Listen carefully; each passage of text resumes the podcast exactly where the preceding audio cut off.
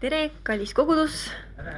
tere, tõuseme ja saame äh, ülistada koos Jumalat, avada oma südamed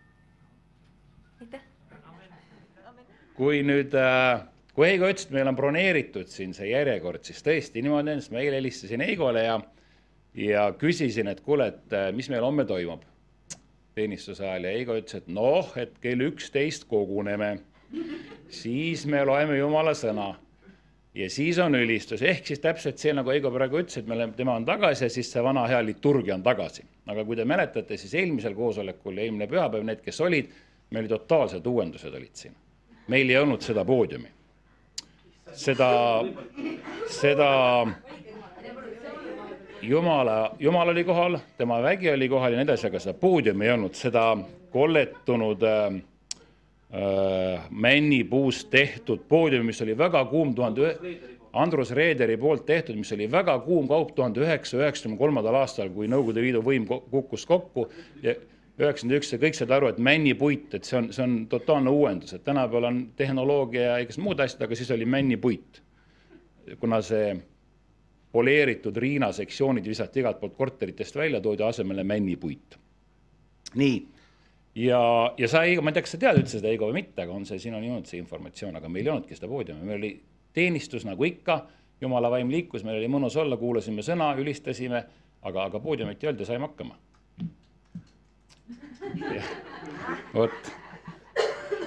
ja, ja, ja selle poodiumiga seoses siis meil tekkis üks niisugune mõttevahetus või üks arutelu, et, et kuidas sellega nüüd on, et et kas me peaksime selle kõrvale jätma või mitte, muidugi seda me veel aruteludele ei võtnud, aga, aga meil tekkis niisugune küsimus, mis on tegelikult juba mõnda aega olnud ja keerelnud kirikutes ka ja ma mõtlesin, et võtaks korraks sõna. ja see, see teema oli see, et kas me tahame siis, et kellele me tahame meeldida, kas Jumalale või inimesele. ja seda on ikkagi aeg-ajalt küsitud niimoodi. Ja, ja jah, ma praegu isegi ei oodanud vastust, ma lihtsalt mõtlesin, ma viskan mõtte õhku ja arutan natuke, et see oli, see oli liiga kiire vastus. kui me kui me mõtleme, et me tahame meeldida Jumalale, siis ma mõtlen, et kas, kas inimene meeldib Jumalale. jah, et siis, kui inimene meeldib Jumalale, et siis te saaks, siis võiks küsida, et kas inimene meeldib Jumalale, mis te arvate? absoluutselt, Jumal, kui ta inimese valmis tegi, ta ütles, see on kõige parem üldse. Ta tegi terve imelise, vägeva, kihvti maailma, ta tegi suusarajad ja siis ta lõi inimese ja siis ta ütles, et see on kõige, see on, Jumal puhkas, et see on väga hea. teiste asjade kohta öelnud väga ehk siis Jumal tunneb rõõmu, kuidas? muidugi on suusarajad piiblis. lühikesed püksid näiteks, kui Eelia jooksis nende, kes see oli, ma ei mäleta, Ahabi äh, nende kaarikutega või ta tõstis, tõmbas püksid üles ja jooksis kaarikutest kiiremini. Siis on mitmed teised spordialad on seal veel, ma võin ükshaaval esile tuua, mis on piiblis kirjas. aga kas Jumal meeldib inimesele, kas inimene meeldib Jumalale, jah, et et kui me mõtleme siin, arutame seda, et kellele me siis peaksime meeldima, kas Jumalale või inimesele, et siin kindlasti on kaks poolt. kui ma siin istusin, mul tuli meelde üks redel, ma ei tea, kas te mäletate, te noh, te ilmselt ei saa sedagi mäletada, aga, aga eelmine kord, kui ma rääkisin, ma näitasin paari klippi siis saatest, mis ma Eesti Televisioonis olen teinud, üks nendest saadetest, vast esimene oli Jõuluradadel, äkki, või oli teine, sa mäletad redelit või? no vot, sa oled seda näinud, seepärast keegi teab, millest ma räägin redelist kas keegi teab, mitu korda redel on piiblis kirjas? üks kord ongi. üks kord ongi redel piiblis kirjas. ehk siis tundub väga oluline asi olevat, aga jube palju räägitakse redelist, aga Jeesuse hauakirikus on üks redel, mis on kusagile kahe korruse vahele pandud. see on mingi puust vana redel, mida ei tohi siis liigutada nüüd pärast, ma ei tea, paarsada aastat millal see sinna tagasi pandi ma ei tea, kas keegi pesi aknaid või ronis aknast sisse, kasutas korraks redelit ja nüüd siis erinevad koolkonnad vaidlevad, kas see on püha või mitte, kas me tohime seda liigutada või mitte. ja tundub, et see on väga suur diskussiooni probleem, et siis kas me oleme, kas me oleme jumalale meelepärased, kui me selle redeli ära võtame või me oleme jumalale meelepärased, kui me selle redeli alles jätame. ja tegelikult see ei tundu väga suur point olevat. Aga kindlasti Jumal on loonud meid, siis äh, Jumal on loonud meid ja andnud meile igasugused äh, ma ei tahaks öelda maitsemeeled, aga, aga jumal on loonud meid sellistena, nagu me oleme ja jumal haarab meie tähelepanu ka selliste asjadega, mida me näeme, mida me tunneme, mida me kogeme. et see on väga oluline minu arust. Äh, kasutada kõiki neid meeli selleks, et jumalat kiita ja ülistada. ehk siis selleks ma, mul tuli veel meelde ka see paar asja tegelikult, ma ei taha liiga pikalt aega võtta, aga Heigo, ma ei tea, kas sa mäletad seda, mis oli pöördepunkt minu ja sinu vahelistes sügavates teoloogilistes aruteludes. Jah, ma tulin eile sealt, seesama asi või? see koht, kus see juhtus, nii. ma tulin eile oma maakodunt ja see oli üks hetk, kunagi me, see oli teises majas, me käisime seal ka, see on veel püsti. aga üks hetk oli, kus jumala vaim liikus minu peal. ma selgelt mäletan jumala ligiolu ja ma rääkisin Heigole sellisest asjast, mida ma mida, millest ma olin vältinud rääkimist, sest see tundus absurdne ja ebameeldiv olevat ja see tundus, see tundus niisugune veider, me Heigoga arutlesime, arutlesime, vaidlesime, et äh, ühesõnaga usualaliste küsimuste üle, kui seda nii saab nimetada, aga meie too, tookordsel tasemel küll.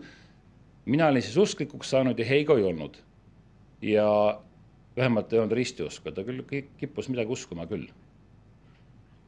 ja siis ma põiklesin tükk aega kõrvale uuesti sünnist rääkimisest, sest see on absurd natukene. kui sa tahad inimestele meelepärane olla, sa räägid, sa sünnid uuesti, nii nagu Nikodeemos küsis Jeesuse käest, mis asja. kuidas ma sünnin uuesti, see tundub veider olevat, see tundub midagi ebaloogilist olevat, midagi sellist, mida siis äh, inimene ei saa hästi aru. ja kui sa tahad inimesele meeldida, tarka filosoofilist ja teoloogilist juttu ajada, mida midagi tookord muidugi ei tahtnud, vähemalt vist, vist ikka tahtsime küll, on ju siis äh, noh, ma mõtlesin, ma nüüd võtan selle riski, et kui ma nüüd räägin mingist uuesti sünnist, on ju, et siis ma natuke häbistan ennast ja siis Heigo on, Heigol on kindlasti upper hand ja ma nüüd, ühesõnaga ma ajan mingit segast, mingit soga. ma jätsin need detailid rääkimata vahepeal ja muud asjad ka, mis seal toimusid. aga minu point on see, et ma üritasin siis olla arukas ja tark ja inimesele meeldida ja lõpuks äkitselt ühel hetkel jumala vaim väga veidras, tõesti absurdses hetkes tuli minu peale ja ma tundsin, ma peaksin rääkima uuesti sünnist ja ma rääkisin ja, ja, ja me vist hiljem suutsime näppu peale panna, et see oli üks sihuke oluline asi, mis äh,, mida Jumal kasutas selleks, et äh, kuidas ma, kuidas ma ütlen seda?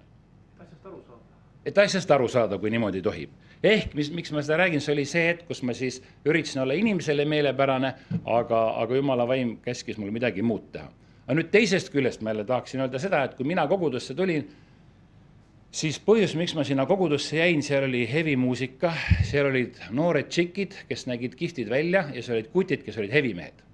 sinnamaani ma olin, mind oli kirikusse aeg-ajalt toodud ja viidud ka nendesse suurtesse kirikutesse, mis meie ümber on ja seal olid sellised igavad inimesed ülikondadega, suurte paksude prillidega, tulid, naeratasid ja ütlesid, Jeesus armastab sind. Ja et ma peaksin kindlasti juuksed ära lõikama, oma küünarnuki selle, selle augu kinni õmblema hakkama kuulama Hosanna muusikat, mitte Iron Maidenit, et siis ma võin kirikusse tulla. aga kui ma jõudsin sellesse põrandaalusesse kirikusse, mis mind paelus ja mille läbi Jumal mind enda juurde tõmbas, see oli väga ekstravagantne kuju. üks mees, kellel olid kollased dressipüksid, ruuduline pintsak, viie lapse orden rinnas, pikad lokis juuksed, ta kuulas Petrat ja tegi niimoodi maki ees. ma mõtlesin, et kui niisugune inimene võib olla usklik, et siis võib, võin ka mina usklikuks võib-olla hakata, ma annan Jumalale võimaluse. ehk siis väliselt see, mis mind meelitas, oli see, mis ma nägin. jumal kasutas neid meeli, mis mul on, selleks, et enda juurde mind tõmmata. nii et, et mis ma tahan öelda, et siin on kaks poolt, et kas me loomulikult me meeldime inimesele, aga jumal on andnud meile igasugused, peab lõpetama või? ma nägin, sa tegid niimoodi. õpetaja võtta, kui keegi juttu. üks jutlustaja leppis oma naisega kokku, et kui tal pikaks läheb, siis naine teeb niimoodi no esireas keegi ei näe, et no aitab küll, lõpeta ära, Iiri pole veel teinud, aga. ja siis jutlustaja läks sinna, ütles kolm sõna, naine tegi niimoodi. jutlustaja vaatab, räägib edasi, onju, naine teeb jälle niimoodi. ütles lõpuks sihuke väga pingeline ette, ette, kes ütles seda tunnistas ausalt, ütles, et, et ma leppisin naisega kokku, et kui ma liiga pikaks lähen, naine teeb niimoodi, onju ja siis naine kogu aeg tegi niimoodi ja siis jutlustaja ütles, aga noh, ma ei ole praegu liiga pikalt rääkinud, naine ütles, et jah, aga sul on püksilukk lahti.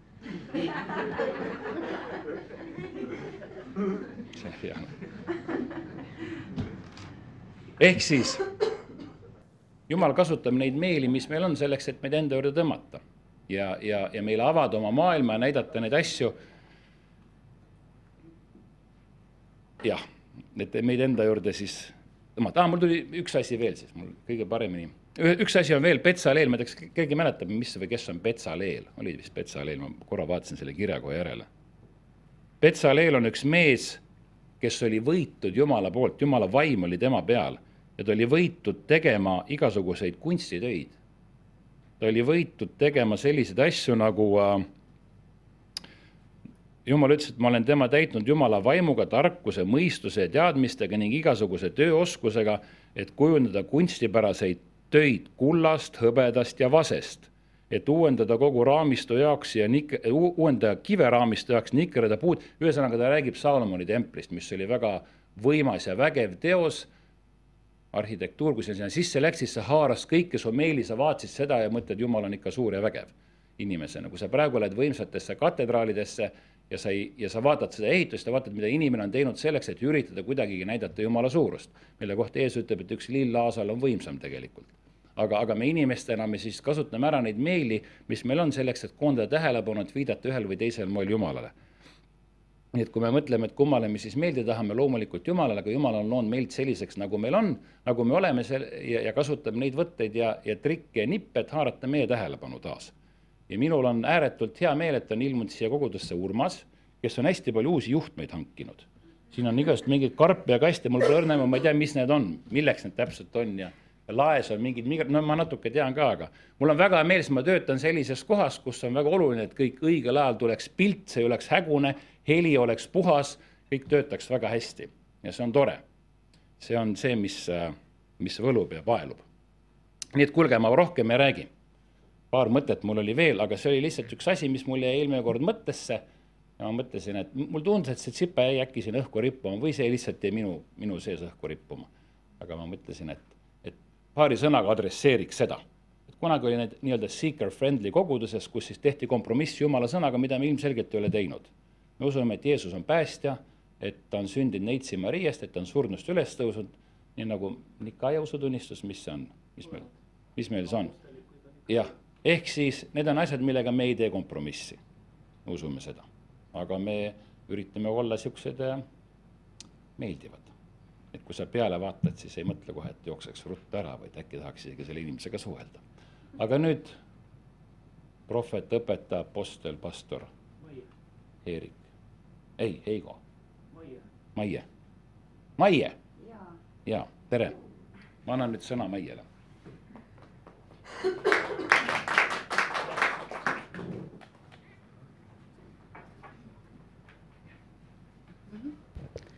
Heigo, ära ehmata, ma ei räägi tund ja kakskümmend minutit, nagu siin ükskord juhtus. aga ma olen nii tänulik äh, teile, oma kallile kogudusele, ma nüüd nii palju pean teid vaatama küll sealt äh, arvuti tagant, aga mul on nii suur rõõm, kui ma jälle saan siia teie keskele tulla, sest te olete mulle tõesti väga kallid ja ma saan teid jälle kallistada ja rõõmu teist tunda ja olen nii tänulik, kui Jumal teie südamesse on ka minu nime pannud, et te palvetate, teete eespalveid mu pärast ja ma tõesti ütlen, et need tõesti aitavad.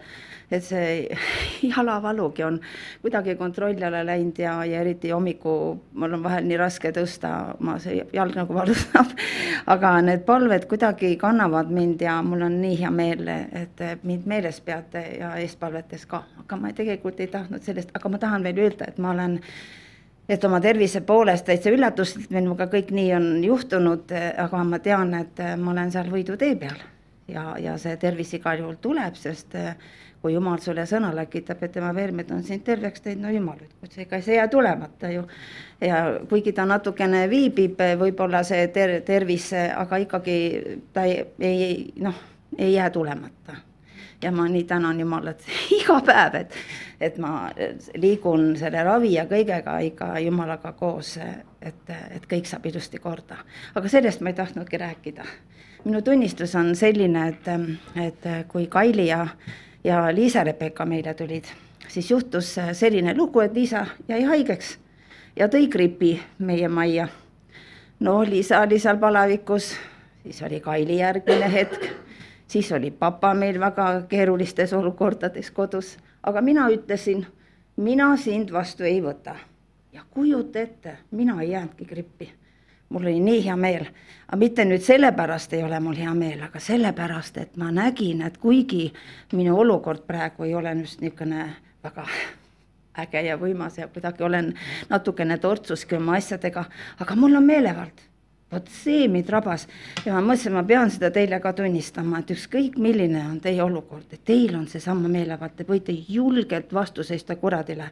et ta ei saa teist mitte midagi ja, ja, ja kasutage seda jumala sõna tema vastu ja ta lihtsalt peab, peab taganema ja ma usun, et olete ka nii vaprad, et te niimoodi teete, ei lase tal mängida endaga, vaid seisate tõesti Jeesuse Kristuse nimel talle vastu ja ta tõesti läheb ära, minu puhul läks vähemalt ära ja ma ei pidanud haigeks jääma.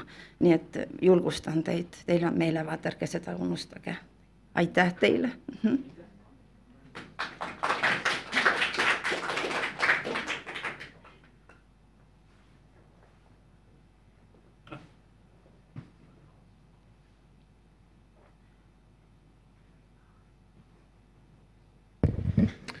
kui nüüd keegi väga rohkem ei taha rääkida, siis ma räägin ka vahepeal ja võib-olla Eve veel tuleb ja rehitseb ka lõpuks kokku selle, mis ma räägin siin ees. aga jah, meelevald on tõsiselt äh, osa, mis on meie elust. naljakas on see, et üks päev, üks päev mulle Facebook jagas täiesti, ma ei teagi, kustkohast täiesti äh, lambist jagas ühe niisuguse huvitava video, kus äh, ma ei tea, äkki on keegi veel näinud seda ja ma ei tea, kes selle video teinud üldse on, see täitsa suvaliselt tuli korraga mulle ette sinna. pakkus vaatamiseks on see, et, et et keegi härras või mees istub laua taga ja teeb mingit tööd ja korraga uks lendab hingedelt maha ja sarviline elukas astub sisse ütleb, et surelik, ma olen tulnud su hinge järele. ja selline noh, hästi efektne sihuke suitsupilved ja tolmupilved ja, ja mürisev hääl ja mille peale mees laua taga vaatab korraks üles, ütleb, ma olen jumala laps, tõmba uttu. ja kirjutab edasi oma asju mille peale see elukas ütleb, et oi, vabandust, ja ma eksisin ilmselt ja läheb ette, läheb ära, tõstab ukse ette tagasi et huvitav, ma ei tea, kust see tuli sinna, see oli noh, vaata see Facebook vahel jagab mingeid suvalisi videosid ja ma ei tea, kes selle kuskil teinud oli selle, et väga naljakas oli. Aga kui me räägime jah, et mis on vahepeal toimunud, siis jah, et möödunud pühapäeval me olime või noh, tegelikult juba siis neljapäevast pühapäevani olime me siis Janekiga ja Kairega ja Evega ja, ja minuga ja meie tüdrukutega Šotimaal.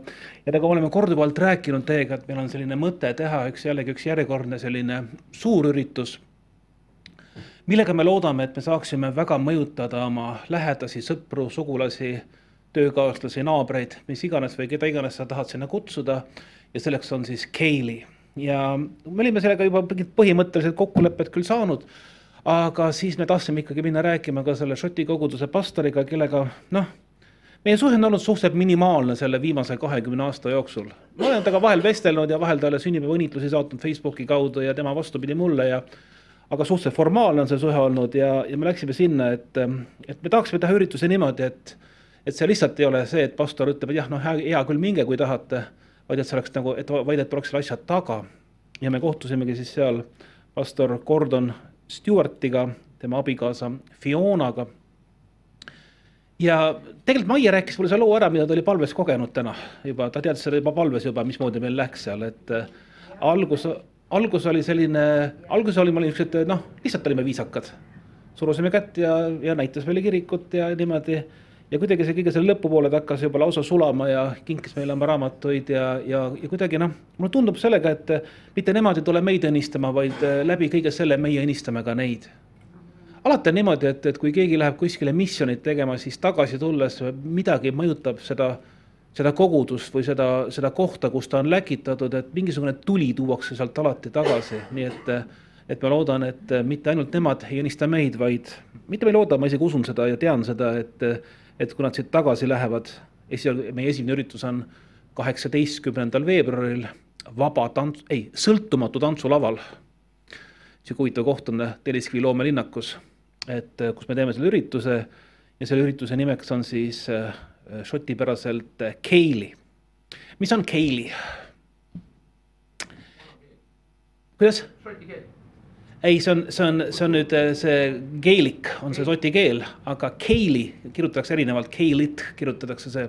aga Keilit tähendab niisugust äh, šoti keeles koosviibimist, koos olemist ja see tähendab seda, et me tuleme kokku, me teeme seal ilmselt muusikat, me teeme seal, seal võib-olla mõned šoti tantsud üheskoos mis on hästi toredad, lihtsad tantsud, noh, mingid hea tahtmisega võib tõmmata ka mingeid paralleele Eesti rahvatantsudega võib-olla, aga, aga just, et nad on niisugused hästi lihtsad, hästi niisugused noh, kuidas öelda, nad on neutraalsed, nad on niisugused, nad on ringmängud, võiks öelda peaaegu, et ringmängud, aga, aga nad on niisugused hästi toredad, neutraalsed, mõnusad, lihtsad. ja muidugi, mis on kõige olulisem Keili puhul, on see, et seal räägitakse lugusid, selle õhtu jooksul räägitakse lugusid ja, ja ma usun, et nii meie enda hulgas kui ka šotlaste hulgas oleks neid, kes võiksid oma lugusid rääkida sellest, mis nende elus on toimunud, mida jumal on nende elus teinud. ja me võime alati teoloogiaga vaielda, aga me ei saa vaielda sellega, mis on kellegi elus juhtunud. sellega lihtsalt ei ole võimalik vaielda. mis on su elus toimunud, see on su elus toimunud. ja sellega ei saa keegi vaielda ja mulle tundub, et seda, et, et see on ka üks niisuguseid toredaid evangeeliumi kuulutamise vorme, nõnda nagu, nõnda nagu äh, alfagi. alfa on nagu väga suur osa on seal tegelikult lugude rääkimine pärast vestluses laua taga. ja nõnda just ka see on üks niisuguseid toredaid võimalusi evangeeliumit kuulutada. ja, ja nagu me oleme ka rääkinud, et meie niisugune veel suurem plaan on siis sügisel, septembri alguses teha üks niisugune vabaõhu keili juba, kus me saame, saame mõjutada ehk suuremat hulka inimesi jumal kasutab inimesi väga erineval viisil, kuidas kulutada evangeeliumit ja see on, ma usun, üks nendest, mida me saame kasutada, mis, kus jumal saab liikuda omamoodi. ja muidugi siin on meil kõikidel oma osa, oma, oma roll sees, kus me saame tuua oma sõpru. aga kõige halvem, mis me saame teha, on see, et me toome sõbra kirikusse, lükkame ukse vahelt sisse ja ütleme, et küll pastor sinuga tegeleb see ei tööta enam absoluutselt niimoodi, ei tööta. see inimene varsti jääb eemale kogu asjast ja varsti on, on kadunud kirikust vaid kui sa tood kellegi kogudusse Jumala juurde, siis on sinul ka vastutus jälgida tema kasvamist. kui põllumees, Eve näiteks paneb kevadel, võib-olla pannakse porgandid maha, kevadel vist jah, vist pannakse, sihuke toominga sõitsa pannakse porgandid maha, no vot. just, aga kui sa aasta otsa nende porgandi eest absoluutselt hoolt ei kanna, noh, siis on su saak üpriski nigel. tegelikult sealt tuleb umbrohtu eemaldada, sealt tuleb vajadusel kasta seda, vajadusel tuleb, võib-olla isegi tuleb sinna mingisugust sõnnikut panna või mis iganes et selleks, et see saak võiks olla suurem või et see üldse midagi kannaks, tuleb selle põllu eest hoolt kanda. kindel on see, et jumal teeb oma töö. no nii nagu põllu pealgi, kui me läheksime, hakkaksime need porgandid sikutama seal niimoodi suuremaks ja pikemaks ja, ja mullasest välja tõmbama, siis, siis sel juhul nad ei kasva mitte kuskile. et see, see elu on nende porgandite enda sees kui see porgandi seeme pannakse maha, siis selle seemne sees on see elu, mis hakkab seal iseenesest kasvama ja me ei saa seda kuidagi ise panna kasvama. Küll aga saame talle luua keskkonna, kus see elu saab hakata kasvama. me hoiame mulla parajalt niiske, parajalt viljaka, vajadusel kaitseme, ma ei tea, varaste külmade eest, meil Väänas tuleb kaitsta metssigade eest. Et kõike, kõike juhtub, eks ole, aga põhimõtteliselt, kui me loome keskkonna, siis ta ise, ise kasvab. ja niimoodi on lihtsalt ka inimestega, keda me tahaksime mõjutada oma sõprade ja lähedaste hulgas, et me peame aitama neil kasvada. me ei saa neid ise panna kasvama, jumal on see, kes on see, on elu nende sisse pannud ja, ja kes seda elu kasvatab ja suurendab. küll aga meie saame seda elu väetada, kasta äh,, toetada, kaitsta. ja siis on ka see, mida jumal meie käest ootab, mida jumal ootab meie käest. mäletate, kellele jagati neid teenareid laiali, mida jumal ootas nende teenarite jagamisega? et need teenarite hulk kasvaks et me kannaksime vilja oma elus. Jeesus ütleb, et tema on viinapuu ja meie oleme oksad. mida oodatakse viinapuu okste käest? et nad kannaksid viinamarju. mis? viinamarjad jah, on eesti keeles.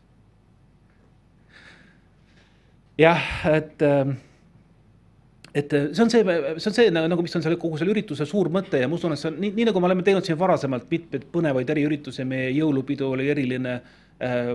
Urmase tehtud kevadel brunch Rahvaraamatus oli väga eriline, väga paljud inimesed said sellest mõjutatud. ja ma usun, et, et see, mis me teeme ka nüüd veebruaris, et see ka on midagi, millega me saame inimesi tugevalt mõjutada heas suunas, selles suunas, et nad ühel või teisel viisil Jumal nende sees tegutseb võib-olla tulevad mõned kohe Jumala juurde, võib-olla tulevad hiljem, aga see on üks neid asju, mida Jumal kasutab selleks, et see seeme, mis on inimese sees, võiks, võiks kasvada. nii et kindlasti mõtelge oma sõprade lähedaste peale äh, ja mõtelge ka selle peale, et kuidas te saaksite neid siis selles kõiges toetada, kasvatada luua neile keskkonna, kus Jumal, sest ikkagi noh, me ei, me, me ei mõtle niivõrd palju võib-olla numbrite peale, et me peaksime numbriliselt kasvama, aga me mõtleme ikka selle peale, et Jumala riik peaks kasvama. ja et Jumala riik on midagi, kus me saame külvata ja kui me siin räägime üksteisele kuulutamisest, nagu Hannes rääkis, kuidas ta mulle rääkis, siis ma mäletan, et kui ma Aleksi Antsuga rääkisime, võib-olla kaheksakümmend üheksa, üheksakümmend äkki rääkisime veel viimast korda ja siis oli, siis mulle tundus, et Ants oli kadunud tükk aega kuskile. aga see seeme ikka vaikselt, ma usun, kasvas ta sees, et võttis aega ja tärkamine võttis aega ja ega ma polnud ka ise kõige parem vaimulik isa, et eh, ma vahepeal ei mäleta, et ma oleks Antsuga ühendust võtnud kuskil, aga, aga seeme ikka kasvas õnneks ja Ants, Ants tuli ka ühel hetkel Jumala juurde, et, et selles mõttes on see niisugune võib-olla hea näide, et kõik asjad ei juhtu üleöö, aga, aga küll nad juhtuvad. Jumal nendest hoolt kannab. ilmselt on niimoodi ka meie lähedastega ja lastega, kellega me oleme rääkinud või vanematega, kellega me oleme rääkinud, kellele me oleme kuulutanud ja võib-olla tundub, et seda kohest muutust või märki ei ole, aga küll see seeme seal vaikselt kasvab meie sees. kui keegi on Jumala oma juba, siis ta on Jumala oma. ja võib-olla, kui me, C.S. Lewis kirjutab selles oma Narnia raamatus niisuguse lause, mille üle on palju vaieldud, et mis ta sellele mõtleb, et kui ta ütleb, et once a king in Narnia, Narnia, always a king in Narnia, et kui sa oled ükskord Narnia kuningas, siis selleks sa ka jäädki et tegelikult võib-olla ta mõtlebki sel ajal just seda, et, et kui ikkagi jumala seeme on korra su sees, siis, siis, siis ta sinna jääb. ja varem või hiljem annab sulle võimaluse võib-olla elus vajadusel pöörduda, tulla tagasi ja teda kogeda. et niisugused mõtted selle Šoti käigu, jah, ja, ja võib ka öelda jah, et, et meil on Šoti kogudusega tunduvad väga head suhted praegu ja nad tulevad, tulevad meile külla ja võib-olla lähme ka meie neile külla ja, ja, ja kindlasti on tore, kui meil on niisuguseid sõpruskogudusi ka väljapool Eestimaad, et see on naljakas jah, et, et kakskümmend üks või kaks aastat tagasi oli meil nendega viimane ühisüritus. mis? kaks tuhat, tuhat üks oli meil viimane üritus nendega minu teada, see just siis, kui see tornide värk oli, me olime meil viimane Šoti üritus, kuigi me võib-olla viimasel hiljem ka käia muidugi veel jah. aga no mis, mis iganes sinnakanti ühesõnaga. Ja naljakas on mõelda, et just ka Mark Owings, kellega me viimati kohtusime kakskümmend viis aastat tagasi, tuli täpselt samal ajal Eestisse, nii et. see on huvitav, et jumal, jumal taastab mingisuguseid noh, mõne jaoks täiesti ürgaegseid kontakte, mõni polnud sündinudki veel üldse. kui need asjad seal toimusid ja nüüd jumal on neid siis taastamas. kui meie oleks kaheksakümne üheksandal kirikus, räägitakse midagi, mis on sündinud äh, tuhat üheksasada kuuskümmend üheksa, me oleks, oleks õlgu kehitanud selle peale, küsinud, et mis värk on, aga, aga nii see on. nii et niisugused, niisugune väike ülekanne, tahad sa täiendada seda, seda Šoti teemat? tule siis kohe, ma pärast lähen võib-olla jutluse juurde, siis läheme teise teema juurde, aga.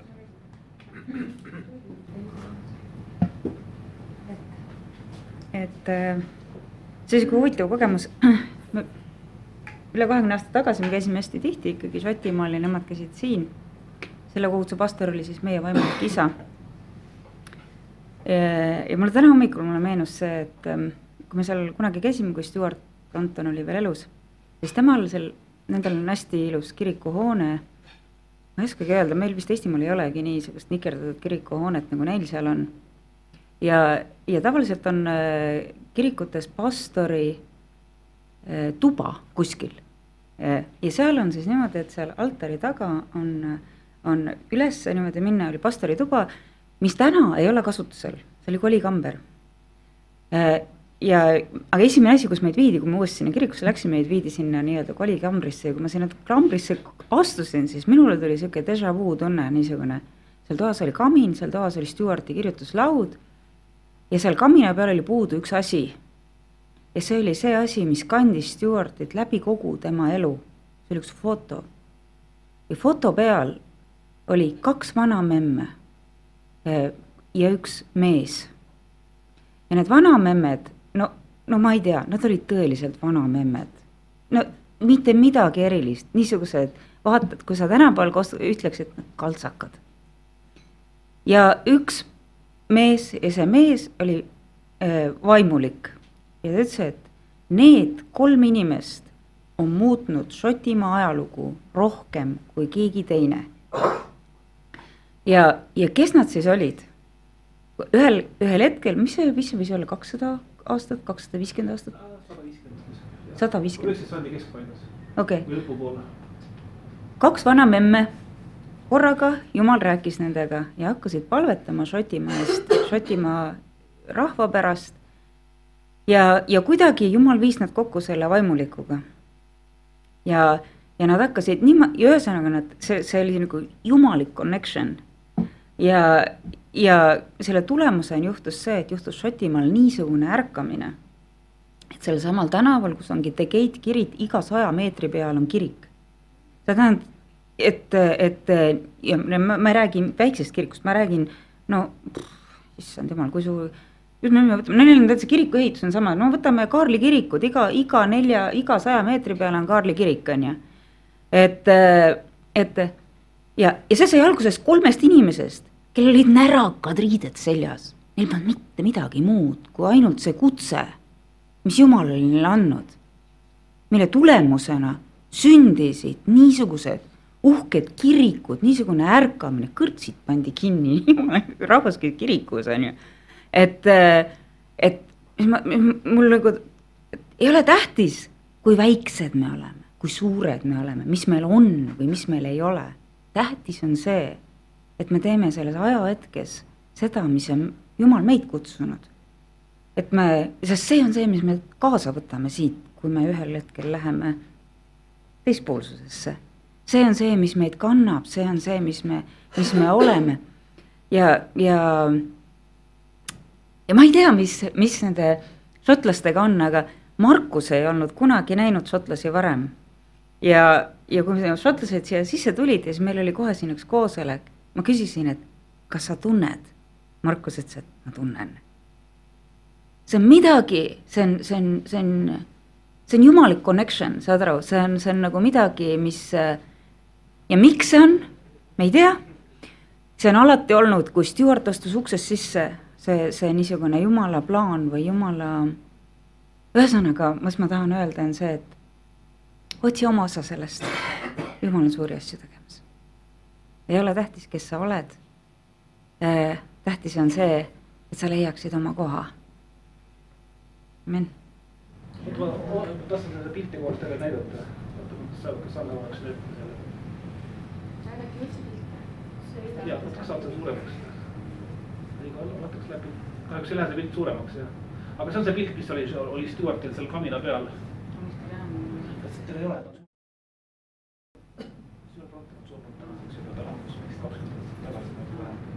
aga noh, tema väimes on praegu küll. Need on kaks vana memmekest, kes hakkasid palvetama ja, ja jumal ja ilma, et nad tunneksid seda vaimulikku. kes see vaimulik oli? ja see vaimulik oli kohalik Šoti vaimulik, mis ta nimi, nimi oli? seda võib pärast vaadata, nime. seda võib pärast vaadata, mis ta nimi oli. seda, aga vot sellest, sellest me räägimegi, on ju, ei ole tähtis. see, me ei tea tema nime, aga me teame, mis juhtus vasakul pool teine pilt, seal all on nimi Duncan Campbell. Duncan Campbell oli jah õigus, täpselt oligi Duncan Campbell. ma arvan, et tänapäevaks on juba kuulnud. jah, aga jah, ta nimi oli Duncan Campbell oli jah, aeglane, kus Stuart rääkis. igal juhul need kaks vana memme, kes, kellest üks oli poolpime ka minu arust, et nemad olid need, kes hakkasid paletama seal. mõlemad, mõlemad tundub. võib-olla ka mõlemad jah, ta, ta mainis, et ta ei näinud veel midagi, midagi ei tea, aga paletada nad suutsid. see on nagu Anna meeskonnas. Vot, jah, see foto oli tal seal kamina peal alati olnud. ja, ja noh, ja, üks asi, mida Gordon ka ütles, on see, et põhjus, miks nad saadavad meile, miks nad tulevad, ütles, et noh, et, et iga kord, kui tiim, nagu Eigogi ütles, tuleb tagasi, siis see on, see toob õnnistuse nende tiimi nii-öelda nende kirikusse. see on see printsiip, et andke, sulle antakse. et see on sihuke väga-väga huvitav. Väga,, väga-väga huvitav.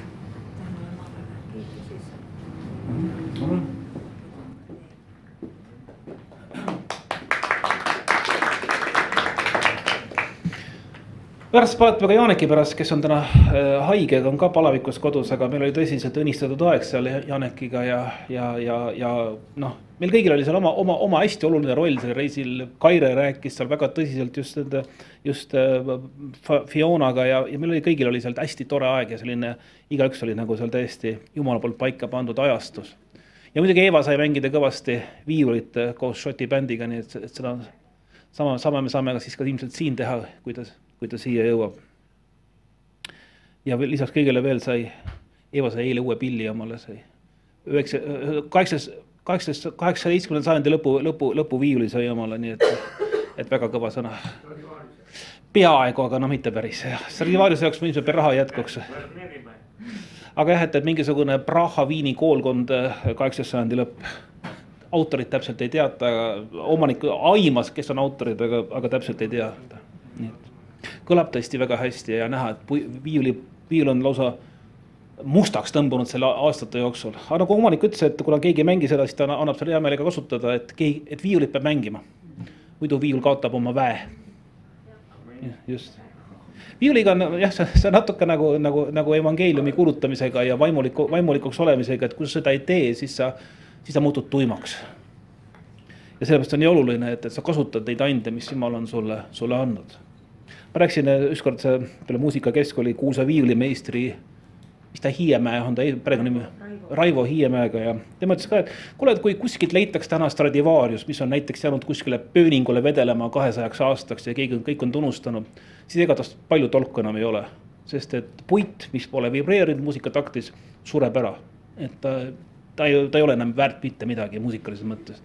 ta on ainult väärt, et ta on ainult muuseumi, muuseumi väärtusega nii et samamoodi on ka sinuga, et, et kui sa ei kasuta neid ande, mis jumal on sulle andnud, siis sobid sa ainult muuseumisse täistopituna okay.. aga nii palju, kui meil tänapäeval aega on, meil on juba varsti hakkab lõppema teenistus, aga peaaegu, aga, aga ma tahtsin jätkata oma, oma, oma seeriat mäejutluse teemadel. Nii et äh, nagu öeldud, siis mäejutlus on võib-olla tõesti üks, üks pikemaid, kui, me, kui me jätaksime kõrvale Johannese evangeeliumi lõpus oleva Jeesuse pika kolme-nelja peatükilise jutluse, siis on see ka mäejutluse üks, üks pikemaid jutte, äh, mis meil on Jeesuselt talletatud ja, ja ma usun, et need sõnad on hästi, hästi olulised meile. ja me oleme jõudnud välja kuuendasse peatükki ja Jeesus jätkab, siin eespool me rääkisime, ees, eesmine lause lõpeb niisuguse tagasihoidliku üleskutsega, salm nelikümmend kaheksa, peatükis viis ütleb, et te olge siis täiuslikud, nõnda nagu taevane isa on teil täiuslik. nii et kui sa ütled, oh, mis nüüd mina, siis piibel käib sul olla täiuslik, perfektne. noh, et me, me saame inimestena aru, et keegi meist pole täiuslik, meil kõigil on omad puudused aga piibel kutsub meid üles taotlema täiuslikkust, liikuma täiuslikkuse suunas. Kuus, hoidke, et te armastuse ande ei jaga inimeste nähes selleks, et nemad teist vaatleksid, muidu ei ole teil palka oma isalt, kes on taevas. andmine on üks väga oluline osa piiblist, võib-olla moslemitel on see eriti oluline, see on üks, üks sellisest äh, äh, mos-, moslemite usu sammastest, mille peale kogu, kogu usk seisab, et tuleb annetada vaestele. aga kristluses on see võib-olla mõnikord jäänud vähem tähtsaks, aga ometigi on ta tähtis see, et me oleme andjad. andmine ei tähenda ainult selles, et me tänaval mõne keerulise mütsi viskame viiskümmend senti või, või, või tähenda isegi, see ei tähenda isegi seda, et me kogudust toetame, vaid et andmine on nagu selline nagu mõtteviis. ja Jeesus hoiatab seda, et ärge tehke seda selleks, et teid märgatakse. et, et kui, kui me koguduses paneme, noh, kellel seda pole, pole juhtunud, et teed rahakoti lahti ja vaatad, et noh, ainult mündid on jäänud sinna, siis kallad need mündid korjandusse ja vaatad, et ei koliseks liiga palju ja et kõik, keegi ei märkaks või mõnikord tõmbad taskust välja mingisuguse suure rahatähe ja eks ole, et äh, see ei ole see, mida, mida jumal meie käest tahab või mida jumal meie käest ootab, vaid et, äh, vaid et jumal ütlebki seda, et, et sinu annetamine on midagi niisugust, mida, mida võib-olla ei märgatagi. ja miks see, miks on see oluline? sest kui sa armastuse ande annad, siis ära lase enese ees sarve puhuda, nagu silmakirjatsejad teevad koguduse kodades ja uulitsatel või tänavatel, et inimesed neid ülistaksid. tõesti, ma ütlen teile, et neil on oma palk käes see tähendab seda, Jeesus ütleb, et, et kui sa tahad, et su andmisel oleks nagu lõikus, et see oleks nagu vilja, nagu viljalõikus, siis äh, ära tee seda avalikult, sest kui inimesed sind ütlevad, et oo, milline mees või oo, milline naine, vaata, kui palju ta annab vaestele ja kirikule ja heategevusele ja või, või ma ei tea, mõni annab parteidele või, või mis iganes. et äh, siis tegelikult ütleb, et kui inimesed teid imetlevad, siis on teil teie palk käes juba. siis, siis sul pole jumalalt enam midagi küsida enam rohkemat ja see ei käi mitte ainult rahalise andmise kohta, see võib käia su tegude kohta. Sa võid olla ju kuskil vabatahtlikuna, teha väga võimsaid ja vägevaid asju.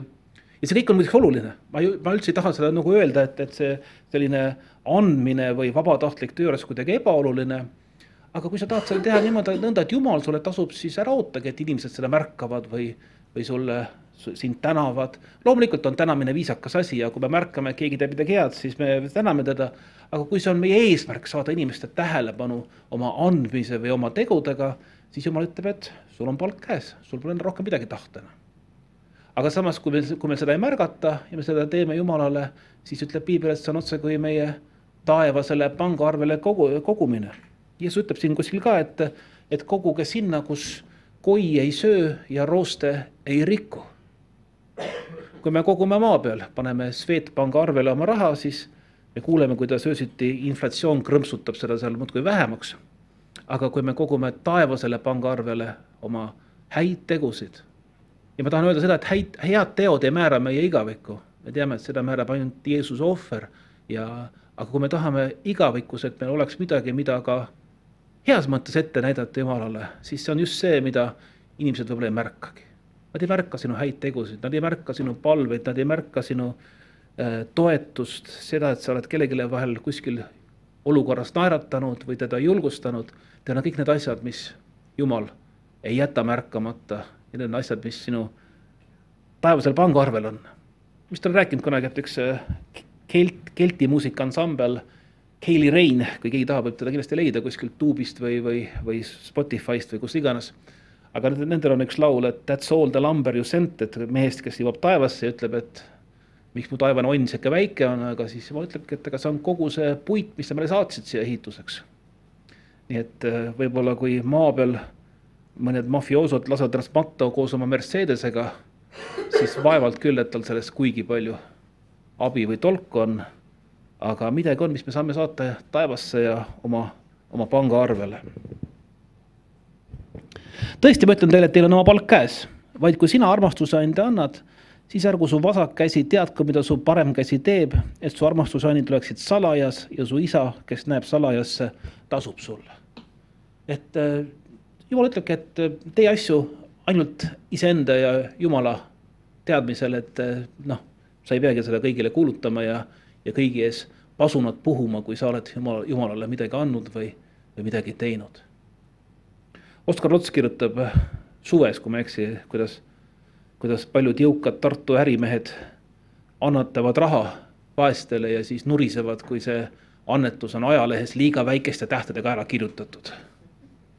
et eh, küllap on ka täna seda päris palju neid, kes tahaksid, et nende annetused oleksid hästi nähtavad ja neist räägitakse.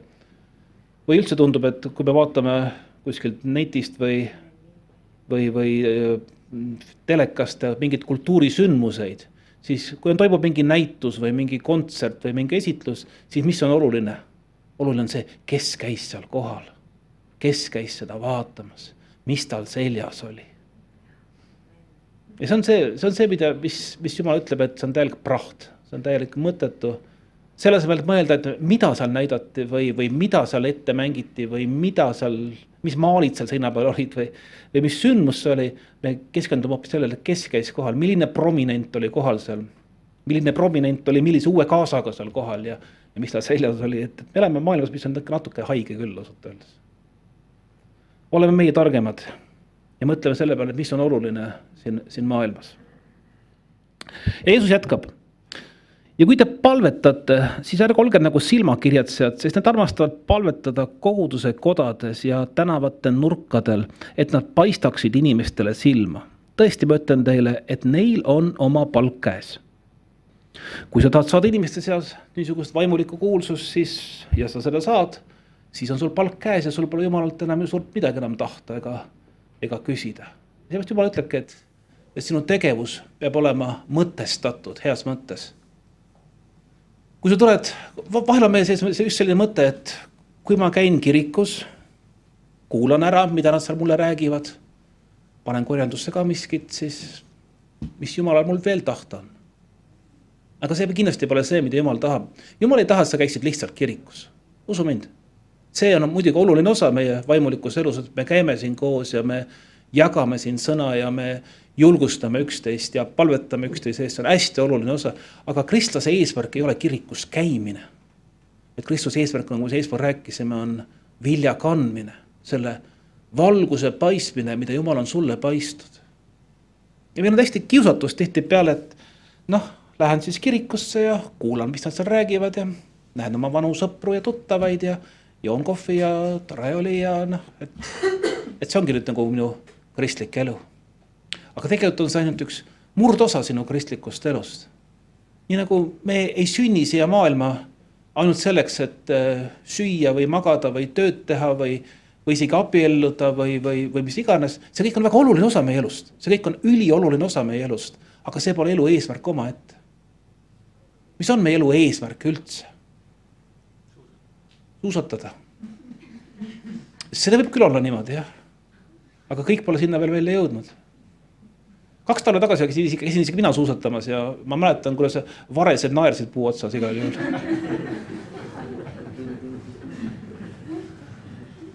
nojah. ma kuulsin neid naermas puu otsas. täpselt äh,. näitasid tiibadega minu suunas ja ütlesid, et, et ja kutsusid sõpru ka, kuulge, tulge vaatama, et täna, täna saab kino siin aga jah, et ega sellel ei olegi üht, ühtset vastust, mis on su elu eesmärk, sellele me ei saagi ühtselt vastata, eks ole, see on, see on oluliselt laiem ja see on, see on oluliselt suurem ja sellele ei saa vastata mingi ühe sõnaga või. või, või, või ühe lausega, isegi mitte ühe jutlusega arvatavasti ei saa sellele vastata, et see on midagi niivõrd suurt meie jaoks. aga oluline on see, et me leiame selle enda jaoks üles, et me otsime seda, et me taotleme seda ja et me liigume selles suunas kogu aeg.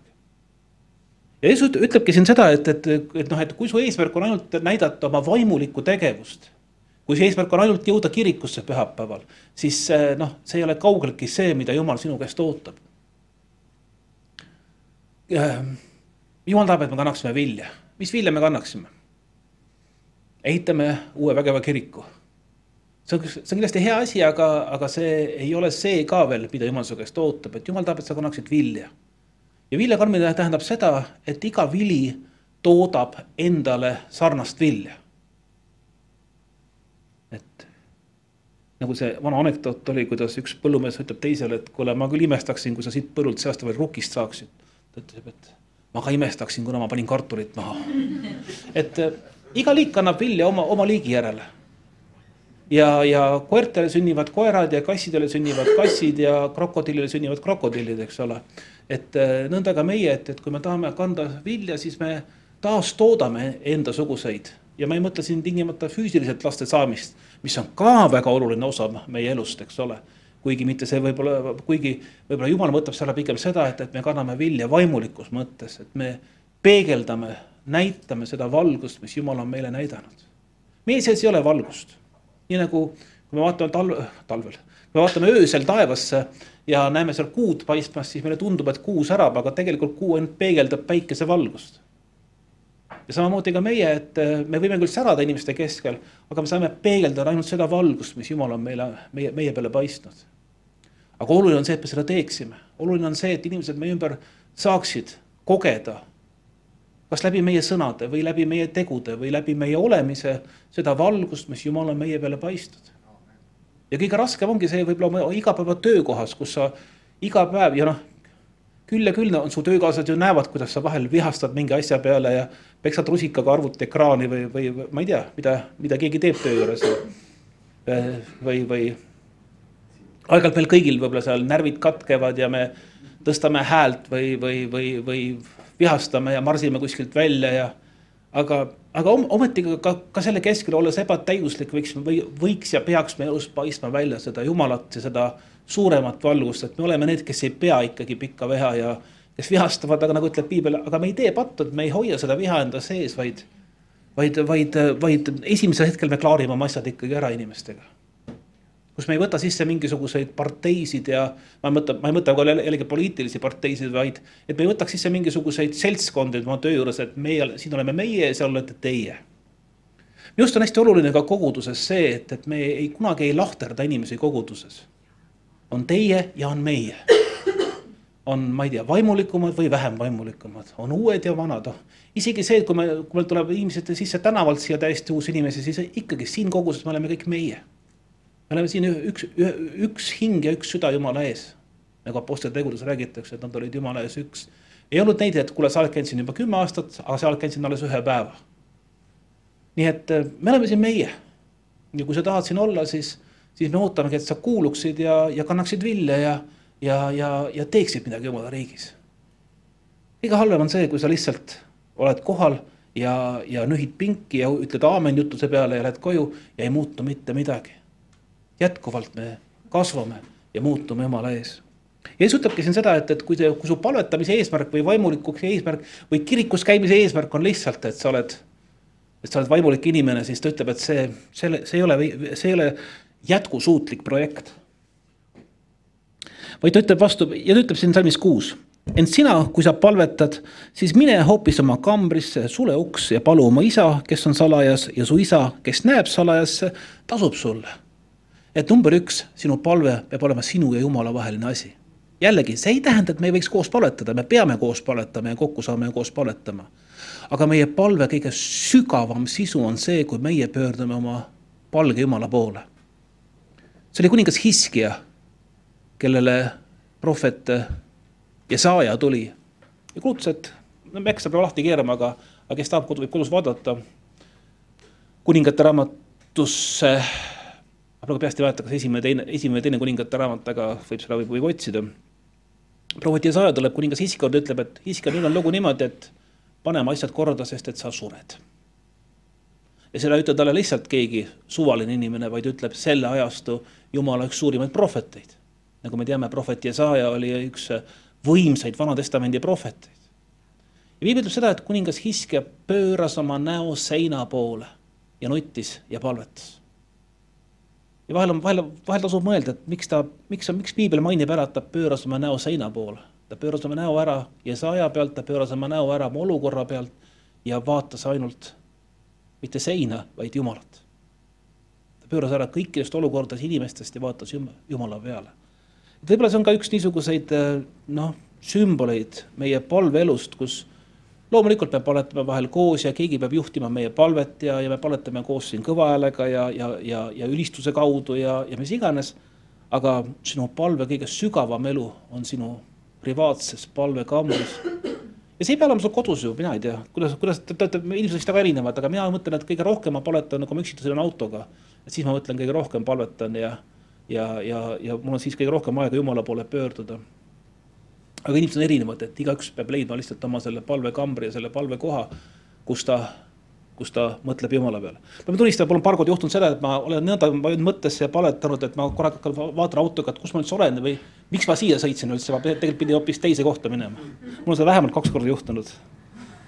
jah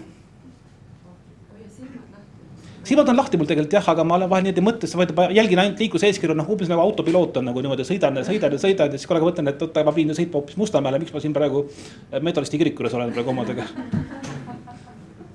Seda on mul juhtunud vähemalt kaks korda jah. ja siis, siis õpetab Jeesus siin juba seda kuulsat meie isa palvet, no ma ei tea, sellest võiks võtta terve omaette. on inimesed, kes on võtnud iga lause kohta terve jutuse võinud pidanud ja me ilmselt seda võib-olla nii palju ei jõua teha aga kui me selle peale vaatame, siis ütleb Jeesus siin niimoodi, tee paletega siis nõnda. meie isa, kes sa oled taevas, pühitsetud olgu sinu nimi. Jah, ja nii et see on ikkagi, see on see, see on see, kuidas me pöördume oma Jumala poole, ta ei ole enam meie Jumal, ta ei ole meie omanik, ta ei ole meie, mitte vaid meile isand või issand, vaid vaid et kõigepealt on ta meie isa ja võib-olla meil on olnud väga erinevaid suhteid oma isadega, aga, aga, aga isa on ikkagi keegi, kes sind armastab, sinu eest hoolt kannab. mõni isa saab sellega paremini hakkama, võib-olla mõni isa saab sellega halvemini hakkama. Aga isa on keegi, kes sinu eest hoolt kannab. mina kasvasin üles isaga, nii et mul on selles mõttes vedanud ja mul oli väga hea isa, kellele mul ei ole küll midagi ette heita, arvestades sellega, et ta ise kasvas üles ilma isata täiesti aga, aga ta, ma olen temalt õppinud paljusid, paljusid asju ja, ja mingeid asju ma võib-olla teen paremini kui tema, mingeid asju ma teen võib-olla kehvemini kui tema. aga isa oli minu jaoks ikkagi isa, ta oli keegi, kes mind armastas, kes mu eest hoolt kandis. Ja samamoodi on ilmselt ka Jumalaga, et, et Jumal on keegi, kes sind armastab ja kes su eest hoolt kannab. ta võib olla vahel ka valjuhäälne, nii nagu isad ikka vahel valjuhäälsed, kui nad sind korrigeerivad. ja nõnda ka Jumal võib sind korrigeerida mõnikord ja mõnikord võib see väga ehmatav isegi võib-olla olla, aga ta on sinu isa. ükski isa ei karista sind, ma ei oska öelda niimoodi, et see sulle halba teeb. Ma ei tea, kas on isasid, kes lapse, lapsest, ma ei tea, autoga üle sõidab, kui ta, kui laps, laps midagi valesti teeb. Hannes, sa ei ole teinud seda, eks ole? ei ole. ära tee ka. jah et äh, isad, isad on need, kes sind armastavad ja kui nad sind korrigeerivad, nad teevad seda armastuses miks, et sul elu võiks paremini minna.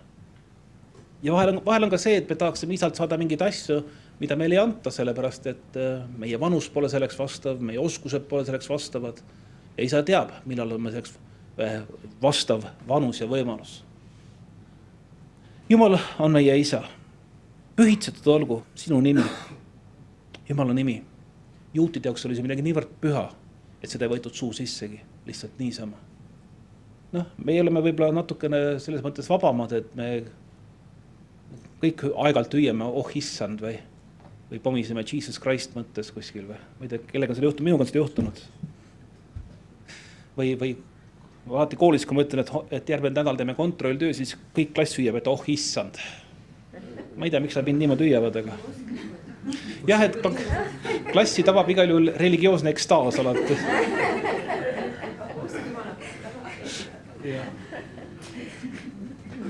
aga, aga, aga, aga juutide jaoks oli jumala nimi niivõrd püha, et seda võetud isegi suu sissegi, nii et, et me siiamaani isegi ei teagi täpselt, kuidas nad seda hääldasid. et see, see, need heebra tähemärgid, mida me meie tähestikus võiks tõlkida kui YH, kaksik VH, et, et vana, meie vanad pilvetõlge ütleb, et Jehova äh,. pilviuurijad arvavad, et pigem võis see Jahvee olla. aga see oli niivõrd püha, et me isegi selle hääldust täpselt ei teagi. sest nagu te teate juudid ei kasutanud vokaale, vaid kasutasid ainult konsonante ehk siis kaasahelikuid. sellepärast, et nende meelest olid noh, vokaale polnud mõtet panna, neid, neid teadsid kõik isegi ju. aga nagu me, me täna märkame, siis näe, ei teagi enam, me täpselt ei teagi, kuidas jumala nime hääldati Vanas Testamendi ajal juutide poolt. aga, aga jah, nii see on, alles minu teada alles kreeklased hakkasid lisama vokaale oma äh, tähestikku, nii ka tänapäeva, tänapäeva heebrea keeles Liina vist ei õppinud seda, et tänapäeva peegelis on ka vokaalid juba olemas, aga mingit märgist seal ei ole. mingid ülakomad, ise pead teadma ikka. ainult meiesugustele pannakse täppe sinna, aga see on ainult suurest armust. ah okei okay., no siis jälle, siis jälle ei muutunud tänaseni. Alef on selline natukene võib-olla vokaali moodi, aga ta ei ole ka päris see. kriips on selline, mis võib olla U või O või noh, kas sa ei tea, seda peab. aga nagu juudid, juudid väga praktiliselt, et noh, et vokaale teab igaks, teab igaks ise juba see teeb heebrea keele lugemise väga raskeks, kaks asja, et suurt tähte ei ole neil. et sa ei tea, millal lause algab või kus on nimi või kohanimi. ja teine, et seal ei ole täishäälikult. nojah, et mõtle. nagu nii krõts, krõts, krõts. mõtle, kuidas su nimi välja, välja näeks heebrea keeles, kus on ainult kaashäälikud. Iiril oleks ainult R-täht lihtsalt. Eevi oleks V-täht lihtsalt ei, aga selles mõttes ikkagi äh, kõnekeeles on ikka kõik äh, täishäälikud olemas. ja, ja aga kui sa paned kirja, siis. kus nad on. aga nõnda, nõnda ütleb Jeesus, et äh, sinu riik tulgu, sinu tahtmine sündigu nagu taevas, nõnda ka maa peal. eks see oleks niisugune tore palve, et, et jumala tahe sünniks. kas meile alati meeldib jumala tahe? see on ka alati nii ja naa on sellega, et, et jumala tahe võib meile meeldida ja ta ei pruugi meile meeldida ja vahel me paletame ka, jumal, sinu tahtmine sündigu ja kui siis sünnib, siis me nuriseme, et aga miks nii raske? aga miks nii vastik? aga miks nii keeruline? ma ei tea, see on jällegi sihuke võib-olla võib sihuke isiklik teema, aga mina mäletan siiamaani seda esimest korda, kui ma, ma mäletan, ma lugesin mingit vaimulikku raamatut, ma ei mäleta, mis raamat see oli, võib-olla Heigani, võib-olla kellegi teise oma. Igal juhul ma mäletan, et ma olin veel tollal telemajas tööl ja ma mäletan, et ma seal telemaja toas olen üksinda seal ja ja tõesti paletasin, et jumal, et tõesti, et sinu tahtmine sündigu minu elus, et jumal, ma, et kui sa mind kutsud, siis ma olen valmis tegema, mis sa tahad. ja hiljem rasketel hetkedel on jumal mulle korduvalt seda meelde tuletanud. kuule mees, sa ise palusid seda. no mis mul arus oli, ma ei tea, ei saa jaa, ega ta, ta ikka, kui ta, kui sa oled ikka korra andnud, siis on, siis on antud jumal, jumalaga vist nagu, nagu sõna andmisega ikkagi, et kui oled korra sõna andnud, siis on see sõna antud ja seda enam väga palju tagasi, tagasi ei võta no.. aga jah, et sinu tahtmine sündigu, ütleb, ütleb see palve, et jumala tahtmine sündigu meie elus, võiks olla meie palvesoov alati. isegi kui see on raske, sest tegelikult lõppkokkuvõttes on see parim. Need rasked hetked meil siin elus, siin maa peal, on tegelikult ainult ju väga lühikene hetk, kui me mõtleme kogu oma igaviku peale. igavik on päris pikk aeg nojah, tegelikult on igavik selline mõiste, kus ilmselt, ilmselt ei saa ka ajaga piirata üldse, see, on, see on. ja meie, kes me oleme niisuguses ajalises ruumis, meie jaoks on see nii raske seda mõista, et kusagil on, on mingi koht, kus pole aega ega ruumi. meie elame siin kolmemõõtmelises ruumis, kus neljanda, neljandaks mõõtmeks on aeg. aga isegi täna, siin olles, eile vaatasime seda jääaega, kõige vaadata, väga vaimulik film on seal, sealt tuli väga palju mõtteid tuli sealt et kui, kui kusagil sai alguse suur pauk, mille pealt universum hakkas plahvatama, jällegi meie kristlased usume, et Jumal on see, kes, see oli üks loomisosa, osa loomisprotsessist. siis äh, siiamaani universum paisub valguse kiirusega kolmsada tuhat kilomeetrit sekundis. umbes nagu on see Einstein välja arvutanud ja, ja muud mehed. ja Einstein ütles, ütles ka kunagi just selle peale, et, et on kaks asja, mis on piiramatud. universum ja inimese lollus aga universumis ma ei ole päris veendunud. ütles, ütles ta niimoodi ja hiljem, hilised teadlased on ka tõestanud, et universum ei ole lõputu, vaid et ta on lõpuga. ja tasub mõeldagi, et aga mis on seal, kus ei ole veel universumi jõudnud, mis on seal? no ilmselt meie aju ei suuda seda ette kujutada, mis on seal, kus pole aega ega ruumi. ja see ongi see, kuhu, kus, kus on meie igavik, paigas, kus pole aega ega ruumi. Mul läks, jooksis juba aju, aju külmus ära praegu. Lähme edasi aga samas tegeleb see palvega täiesti meie me, sellega, et me ei mõtle enam selle paiga peale, kus pole aega ega ruumi, aga ta ütleb, et järgmine lause ütleb, et meie igapäevane leib anna meile tänapäeval. anna meile meie igapäevane leib, anna meile see, mida me vajame igapäevaselt. ja leiva all ta mõtleb ilmselt noh, küllap me tahame leiva peale võid ka saada vahel ja, ja tahaksime, et tuba oleks soe ja, ja, ja valge ja, ja et me oleksime turvalised ja turvaliselt elaksime ja, ja see ongi see meie niisugune igapäevapalve soov, et anna meile meie igapäevane leib, anna meile see, mida me vajame igapäevaselt. ka see on meile vajalik. see ei tähenda, et me ei peaks ise midagi tegema. jumal eeldab, et me teeme ära oma osa ja tema õnnistab seda oma osaga ära. ja anna meile andeks meie võlad. jah, see kõlab väga hästi. aga tegelikult on siin taga tingimus. nagu meiegi andeks anname oma võlglastele. vaat nüüd me oleme portsu otsas. jumal annab sulle andeks täpselt nii, nagu sa annad võlg, annad oma võlglastele andeks. nii annab Jumal ka sulle andeks.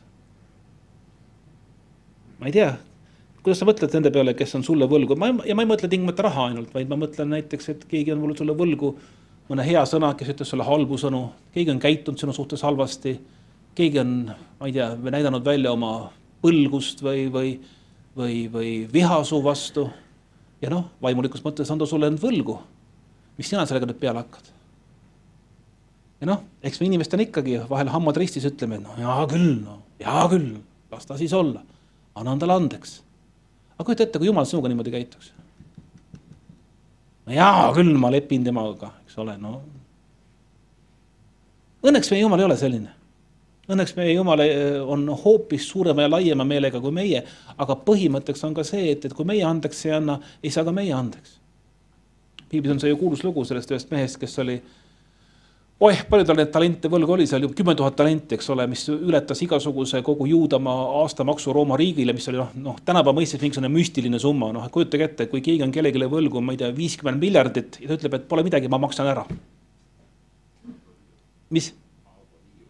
Jah, Avo Viiul jah. ei no Avo Viiul maksis juba mingi tubli paar tuhat eurot ära oma võlast, ta on tubli mees. okei noh, olgu temaga kuidas on, aga, aga, aga jah, et, et jumal saab aru ka, et, et meie lubadused oma võlg ära maksta on, on, on noh, sama ebareaalsed. ja, ja, ja, ja õnneks meie jumal on ka palju suuremameelsem, kui me ette kujutame. aga ometigi ta eeldab seda, et kui meie ande, kui tema annab meile andeks, et siis meie jagame sedasama andestust inimestele, kes on meie ümber oi, see on raske vahel, oi, see on raske.